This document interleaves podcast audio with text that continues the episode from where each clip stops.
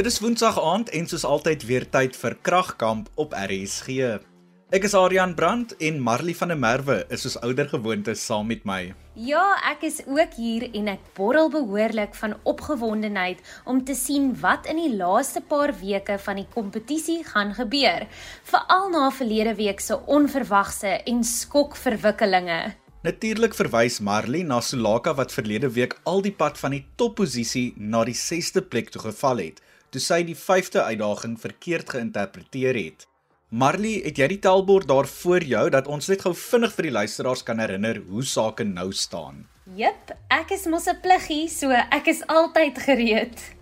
Luanaiter Blanche van Bethlehem is heel bo op die tellbord met 69 punte. Claudia Stip van die Kaap is tweede met 67 punte en Jaco Venter van Durbanville is derde met 65 punte. Karla van Skalkwyk van Stellenbosch lê tans 4de met 64 punte en in die 5de plek is Lisa Marie van George. Sy is 1 punt agter Karla en staan op 63 punte. Soos ons genoem het, is Sulaka Nooi van Plettenberg Baai in die 6ste plek met 62 punte. Agter Sulaka in die 7de plek is Melry Nel van Woester met 59 punte en dan laaste op die kragkamp tellbord is Jody Lekay met 53 punte. Ons kop vanaand af met uitdaging nommer 6, debattering en kritiese denke. Ons gaan ook vir elke deelnemer die geleentheid gee om hul grootste mededinger in te haal, verby te steek of in sommige deelnemers se gevalle om hul voorsprong selfs verder te vergroot, want daar is 'n astronomiese 50 punte op die spel. Net so en ons het die deelnemers vooraf ingelig van die punte toekenning om hulle sodoende te motiveer om die ekstra myl te gaan met hierdie uitdaging.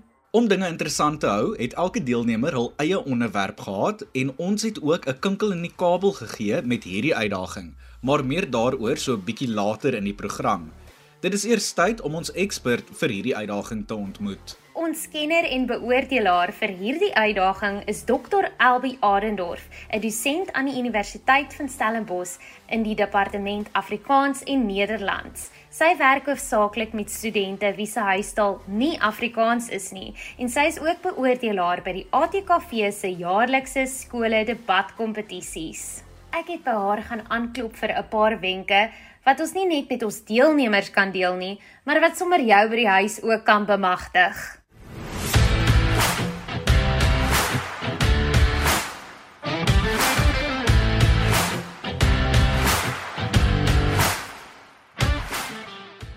My naam is Elbi Adendorf. Ek is 'n dosent verbonde aan die Departement Afrikaans en Nederlands van die Universiteit Stellenbosch. Ek doseer Afrikaans vir tweede taalsprekers en sprekers wat nog nooit Afrikaans geleer het nie. My ander passie is debat en redenaars, maar ek gaan vandag met julle 'n bietjie oor debat praat. Die debatsvaardighede wat 'n mens leer, um, indien jy aan debat deelneem, is baie belangrik. Behalwe vir die idee van skryf om 'n argument te stel, dink ek die grootste vaardigheid is dat 'n mens kritiese denke leer. So jy leer om krities te kyk na die onderwerp, dit te ontleed, 'n standpunt daaroor in te neem en dan daaroor argumente saam te stel. Dit leer 'n mens ook luistervaardighede want in 'n debat praat 'n mens gewoonlik teenoor iemand anders. En saam met die luistervaardighede kom dan dat jy vinnig op jou voete moet dink. Hier is my wenke dan om aan debat deel te neem en om argumente te kry.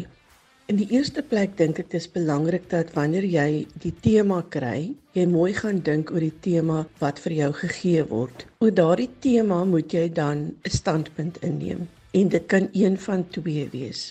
Jy is of vir die onderwerp, dan noem ons jou die voorstander, of jy kan teen die onderwerp wees en dan is jy die opponent of die teenstander. So jy kan nie 'n middeweg 'n gebruik by debat en tussenin is en albei vir en teenstel en dan tot 'n gevolgtrekking kom nie.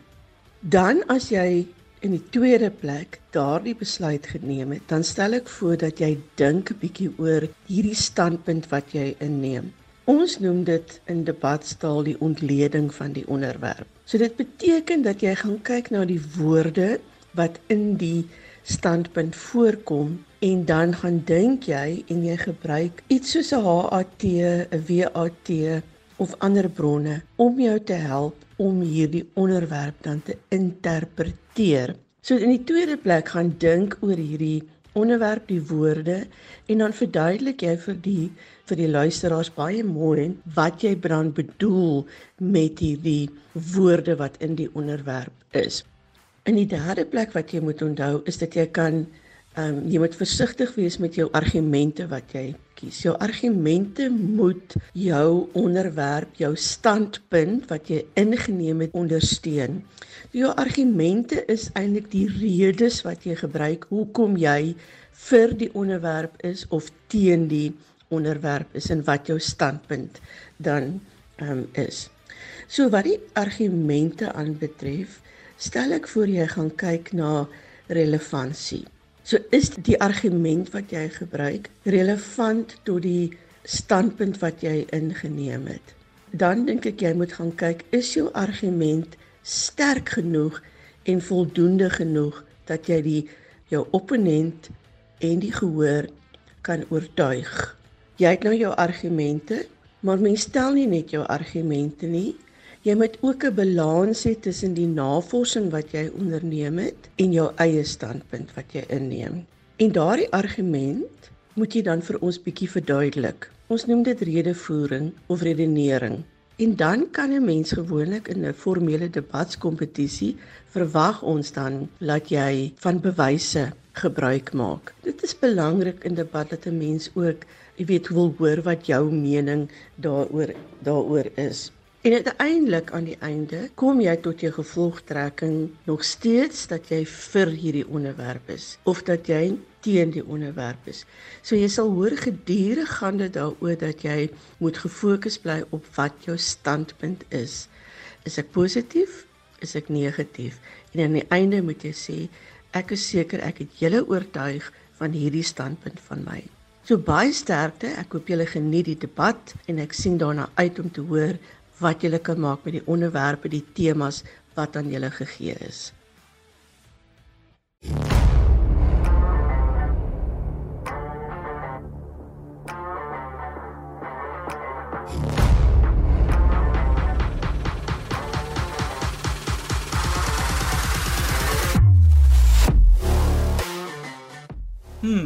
Wonder of hierdie wenke wat Dr. Elbi gedeel het moontlike paar toekomstige parlementslede gaan vorm, want daar moet jy beslis kan debatteer. Nie net kan die wenke 'n paar toekomstige LPs vorm nie, maar die uitdaging wat ons vir die deelnemers gegee het, sal van hulle volwaardige parlementslede kan maak. Laat ek verduidelik. Elke deelnemer het 'n unieke onderwerp ontvang waaroor hulle moet debatteer. In plaas daarvan om eksklusief 'n voorstander of teenstander te wees, moet hulle beide kante van die saak kan beredeneer. Want jy weet mos hoe maklik mense se menings verander. o, jene, jy gaan maak dat ons van die lug afgehaal gaan word. Maar op 'n punt van orde is dit dalk nodig dat jy jou insinuasies onvoorwaardelik moet terugtrek. ek het gesê wat ek gesê het, so ons los dit net daar. O, Griet, hier staan die sekuriteit voor die ateljee se deur. Ek is Adrian Brandt en die waghalsige Marley van der Merwe is my mede-aanbieder hier op RSG.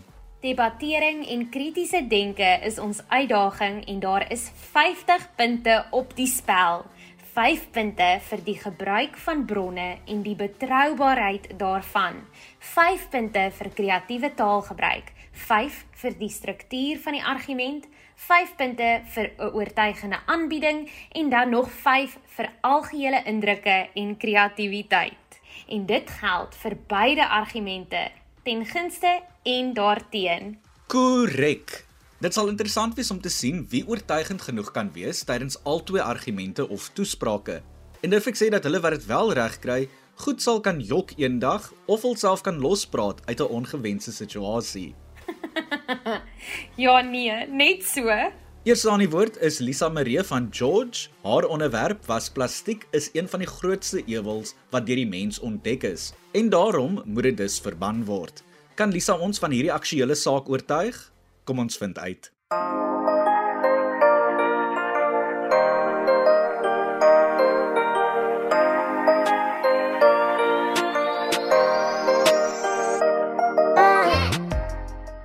Plastiek is een van die grootste ewels wat deur die mens ontdek is en behoort verband te word. Sedert die begin van die massavervaardiging van plastiek in die 1950s, het die jaarlikse produksie van plastiek van 1,7 miljoen ton in 1954 tot 380 miljoen ton in 2021 toegeneem. Volgens die organisasie Our World in Data beland die meeste van hierdie plastiek uiteindelik op by stortingsterreine. Ongeveer 3% daarvan eindig egter op in ons oseane. Ek wil graag eerstens fokus op die effek van plastiekbesoedeling op ons oseane. Hierdie 3% plastiek wat in ons oseane opeindig, is meer as 8 miljoen ton per jaar. Volgens die WWF of Wêreld Natuurlewefonds is plastiek nou teenwoordig in byna elke deel van die oseaan. Dit is gevind op Henderson Eiland, een van die mees afgeleë onbewoonde eilande in die suide-stille oseaan tot die diepste plek op aarde, die Mariana Trog, wat tot 'n diepte van 10994 meter onder seevlak daal en selfs by die pole. Plastiek is nie bioafbreekbaar nie en verdwyn daarom nooit nie, maar word bloot in kleiner deeltjies, naamlik mikroplastiek, afgebreek. Die oppervlak van hierdie wêreld se oseane bevat nou meer as 5 triljoen mikroplastiekdeeltjies, maar meer as om in die oseane rond te dryf word plastiekafval gevind in gevande van meer as 90% van die wêreld se seevoëls en in die maag van meer as helfte van die wêreld se skilpaaie. Wetenskaplikes raam as die gebruik daarvan nie drasties verminder nie, gaan daar teen 2050 meer plastiek as vis in die see wees. En tweedens, die effek van plastiekbesoedeling op van ons ander natuurlike hulpbronne. Die gemiddelde mens neem weeklik tot 5 gram plastiek in, gelykstaande aan 'n kredietkaart volgens netwerk 24. Die rede is dat mikroplastiek ook nou volop is in ons drinkwater. Dit is vanjaar ook in die reën en sneeu gevind. Nuwe plastiekitems word steeds elke dag vervaardig. Totdat besighede meer omgewingsvriendelike alternatiewe materiale, byvoorbeeld papier begin gebruik, sal hierdie ewel van plastiek vervaardig en die weggooi daarvan voortduur. Van kardinale belang is ook goeie afvalbestuur reg oor die wêreld, asook volgehoue pogings om plastiek wat reeds in ons aflandige waters, kuslyn en omgewing is, te verwyder. Dit klink asof Lisa haar storie ken met betrekking tot plastiek en waarom dit verbân moet word. Maar kan sy 'n argument aanvoer waarom plastiek nie verbân moet word nie? Hm, dit is 'n kopkrapper. Die wêreld waarin ons leef is ondenkbaar sonder plastiek. Dit is onmoontlik om 'n plastiekvrye bestaan te lei. Gebruik jou bankkaart, sit op die bus, ry na die stasie. Hulle behels almal plastiek en dit is nog voordat jy die kans gehad het om te sê. So ja, 'n cappuccino in my bamboes koffiebeker asseblief. Volgens die omgewing konsultasiefirma Qantas is daar baie goeie eienskappe van plastiek wat ons kan help om 'n beter omgewing te hê. Nommer 1: verminderde gewig, verhoogde brandstofgebruik. Plastiekkomponente word toenemend in nuwe voertuie gebruik, hoofsaaklik omdat dit help om om ons voertuie veiliger te maak. Omdat plastiek egter ook baie ligter is as tradisionele materiale soos metaal en glas, help dit motors ook om meer kilometers per liter te reis, omdat die interne komponente nie so hard is te werk om die voertuig se gewig vorentoe te laat beweeg nie. Groter brandstofverbruik beteken minder stop by die vulstasie en minder fossiel brandstofgebruik. Nommer 2: Verminderde verpakking. Omdat plastiek lig en stewig is, het reduksieverpakking meer vaartbelyn geword. Deksels word kleiner en pakkies word ligter, wat ook tot brandstofverbruik bydra. Wanneer vragmotors nie soveel gewig het om te trek nie, gebruik hulle nie soveel gas nie. Nommer 3: Laer inpak as papier.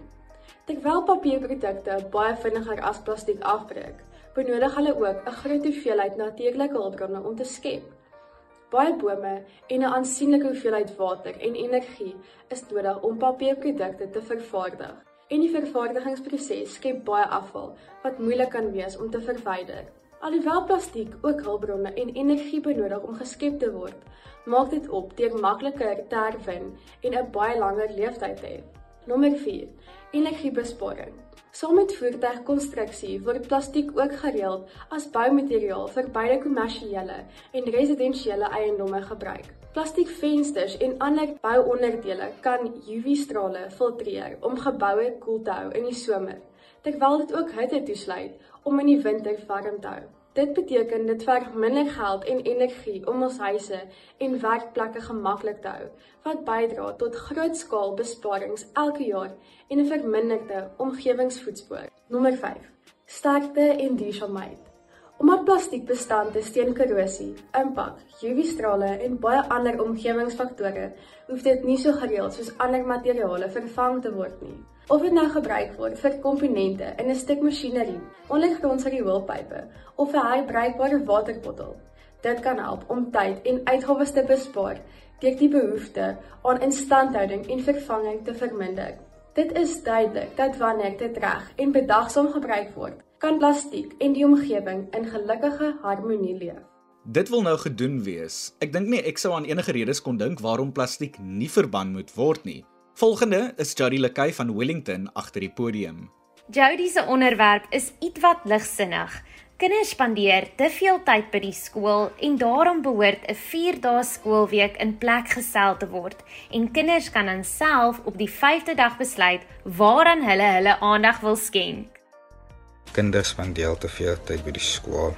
Daarom behoort 'n 4 dae skoolweek in plek gestel en kinders kan dan op die 5de dag besluit waaraan hulle aandag wil gee. Ek is vir die onderwerp, daarom gebruik ek die volgende bewyse om die argument te staaf. Ek gedurende my aftyd op die skool op 28 November gedurende my aftyd 'n bietjie rondgedwaal op die skool en ek het na die skool se top 10 sport en akademieleerders gegaan. Wat sê die 4 dae is goed want die akademieleerders het vir my gesê dat op die 5de dag kan hulle agterstallige take klaarmaak. Hulle kan hulle hersiening doen. En dan was ek by die top 10 sportskinders. Ek was by meestal rugby spelers gewees. Rugby spelers en vol weer dat op die 5de dag kan hulle die skool gebruik skool vir jaar toe om hulle rugby te oefen. En ek wat vir die onderwerp is, voel dis goed want ek myself is iemand wat sport doen en 'n dag vir sport is eintlik te min, maar dit is genoeg want alles sê ek kan nie vir jouself ooreis nie. Um my bewyse kry ek by skoolleerders wat akademie en alles van Wellington Hoërskool. Ek is seker ek het vir julle oortuig deur hierdie um, standpunt van my. Baie dankie. Juddy se aanslag om met klasmaats te gesels en hul menings te kry oor die onderwerp is uniek, prakties en effens onkonvensioneel. Is daar redes waarom 'n 4-dae skoolweek nie geïmplementeer moet word nie? My onderwerp is kinders spandeer te veel tyd by die skool, daarom behoort 'n 4-dae skoolweek in plek gestel en kinders kan dan op die 5de dag self besluit waar hulle wil aandag gee. Ek is teen die onderwerp, dus gebruik ek die volgende bewyse om my argument te staaf. Ek is 'n teenstander van die um, onderwerp, dus voel ek dis nie 'n goeie idee nie, want ek was by ouers en leerders van my skool Wellington Hoërskool wat voel dis verkeerd want sekere leerders sukkel met akademie en sport en dis maak jy hulle ten alle tye hulle onderwysers en mentors om saam met hulle die pad te stap en saam met hulle te wees gedurende oefeninge. En dan was ek by my Afrikaans en lewensoriëntering meneer, meneer Opperman as 'n lewensoriëntering en Afrikaanse meneer by Wellington Hoërskool en hy voel dis 'n slegte idee. Volgens hom sukkel onderwysers en mentors steeds om al werk en oefening binne 5 dae klaar te kry weens leerders wat sukkel of klaskamers in die sportonderrig omkrap. Daardie informasie kom vanaf 'n meneer R Opperman van Wellington Hoërskool. Ek het informasie by hom gekry op 28 November 2022 gedurende tweede pouse. Is seker ek het die luisteraars oortuig deur my standpunt. Baie dankie. Ja nee, kyk, ek dink enige ouer, onderwyser of volwassene sal teen die idee van 'n 4-dae skoolweek wees en dit sal beslis meer oortuiging kos om hulle oor te wen. Wat dink jy van die onderwerp? Gesels gerus saam op ons SMS lyn 45889. Volg ook al die kragkamp aksie op RSG se Instagram bladsy @rsg_100-104fm. Daar sal jy ook al die deelnemers se video's kan sien waar hulle debatteer en redeneer. Marley, terwyl jy praat oor sosiale media, sommer 'n vinnige shout-out aan Christo Strydom van Kraaifontein wat 'n getroue luisteraar is en weekliks laat weet dat hy die program geniet en die reeks pligsgetrou volg. Christo my maat, jy is tops. En Arian sommer verder op die noot van sosiale media, het ons vir Karla van Skalkwyk van Stellenbosch wie se onderwerp net mooi juis dit was. Daar is niks sosiaal omtrent sosiale media nie. Al wat dit doen is om die mensdom, goeie woordespel, minder sosiaal te maak. Ek dink die debat kan baie interessant raak. Daar is niks sosiaal rondom sosiale media nie. Al wat dit doen is om die mensdom minder sosiaal te maak. Ek, Karla van Skalkwyk, stem volkome saam. En daar is baie navorsing wat dit ondersteun. Net vinnig, wat is sosiale media? Die webblad Investopia beskryf dit as die gebruik van tegnologie om idees, gedagtes en inligting tussen virtuele gemeenskappe te deel. Jy sal weet waarvan ek praat, behalwe as jy miskien van 'n ander planeet afkom. Instagram, Facebook, TikTok, WhatsApp, dit het ons lewens oorgeneem en daarmee saam ons sosiale vaardighede verwoes.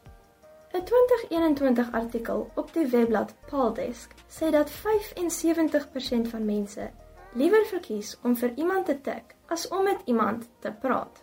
As ons familie soms gaan uit eet, is ek verstom oor hoeveel mense in die geselskap van ander op hul slimfone vroetel, selfs op jou verjaarsdag. Die een dag in die jaar wat jy soos 'n prinses behoort te voel, kry jy nie eers 'n oproep nie, net 'n kort WhatsApp en miskien een van daardie onpersoonlike emosiemannetjies. Ons as mense is sosiale wesens. Ons oorvoorouders het woeste gevare oorleef te danke aan hulle sosiale vaardighede. Volgens die Universiteit van Texas se navorsing is 55% van kommunikasie nie verbaal. Oogkontak, gesigsuitdrukkings, liggaamstaal en nog baie meer. Maar sosiale media maak ons asosiaal want mense verleer die kuns van goeie kommunikasie. Volgens 'n 2018 artikel genaamd The Impacts of Social Media on Kids and Teens, is daar 'n verwantskap tussen die stygende ewel van boelies onder tieners en swakker sosiale vaardighede as gevolg van sosiale media. Sosiale media is 'n groot sosiale ewel. Die vraag is, wat gaan ek en jy daaromtrent doen? So, sit 'n slag jou slimfoon af en wees weer 'n oormens. Karla lig 'n paar uitstekende punte uit en die gebruik van die uitgedrukte emojis was baie oorspronklik en kreatief. Kan sy oortuigend wees in die argument waarom sosiale media ons wel sosiaal maak? Kom ons vind uit. Sommige mense sê daar is niks sosiaal in sosiale media nie. Wel ek gaan julle vanaand oortuig dat sosiale media inderdaad van jou 'n sosiale vlinder maak. Net vinnig. Wat is sosiale media? Die webblad Investopia beskryf dit as die gebruik van tegnologie om idees, gedagtes en inligting tussen virtuele gemeenskappe te deel. Meer as 4.5 miljard mense gebruik tans sosiale media en hulle kan nie almal verkeerd wees nie. Ja, sosiale media is nie perfek nie, maar niks in die wêreld is nie. Toe Alexander Graham Bell die telefoon uitgevind het, seker die eerste vorm van sosiale media, het dit ook baie kritiek uitgelok. Daar is 'n baie waar gesegde wat sê: Nothing is either good or bad, but thinking makes it so. Dit gaan oor hoe ons dit gebruik. En vir my, as sosiale media gebruiker, het dit baie sosiale voordele. Die belangrikste daarvan is om kontak te hou met mense wat ek nie elke dag kan sien nie. Dit laat my toe om sterk vriendskapbande te hou met vriende wat ek gemaak het toe ons vir 18 maande in Skotland gewoon het. Ek kyk graag na hulle foto's en avonture op Instagram Ons gebruik ook WhatsApp se groepoproep om almal saam te kuier. Maak nie saak waar ons is nie. En dit kos letterlik net 'n paar rand se data. In die ou dae het internasionale oproepe jou 'n fortuin gekos. Jy kon letterlik net hallo en totsiens sê. En ek is nie alleen nie. Volgens 'n 2014 LinkedIn artikel van sosiale strateeg Lauren Suits, is dit een van die hoofvoordele van sosiale media. Die kern en hart van sosiale media is om mense te konnekteer. Die webblad Paramount Insights berig dat 78% van mense voel dat sosiale media hulle verhoudings op 'n positiewe manier beïnvloed. So daar het julle dit. Met 'n bietjie omsigtigheid en gepaste huisreëls oor die gebruik van sosiale media, kan dit 'n wonderlike manier wees om ons lewens te verryk met 'n bietjie verskeidenheid, oorspronklikheid en avontuur. Ek weet nie van julle nie, maar ek sal liewer 'n boodskap met WhatsApp stuur as met 'n posstyf.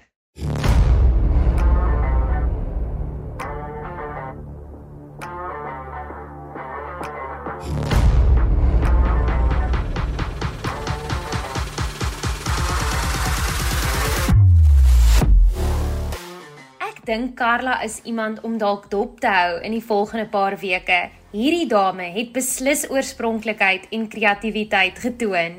Beslis. Maar vereers is dit weer tyd vir ons om te groet. Onthou ook om al die kragkamp aksie op RSG se Instagram bladsy te volg. Volg ons by RSG onderstreep 100 104 FM. Ons kuier weer volgende Woensdag aand, dieselfde plek en dieselfde tyd saam. Kragkamp is aan jou gebring onder die leiding van Kobus Burger, RSG se programbestuurder.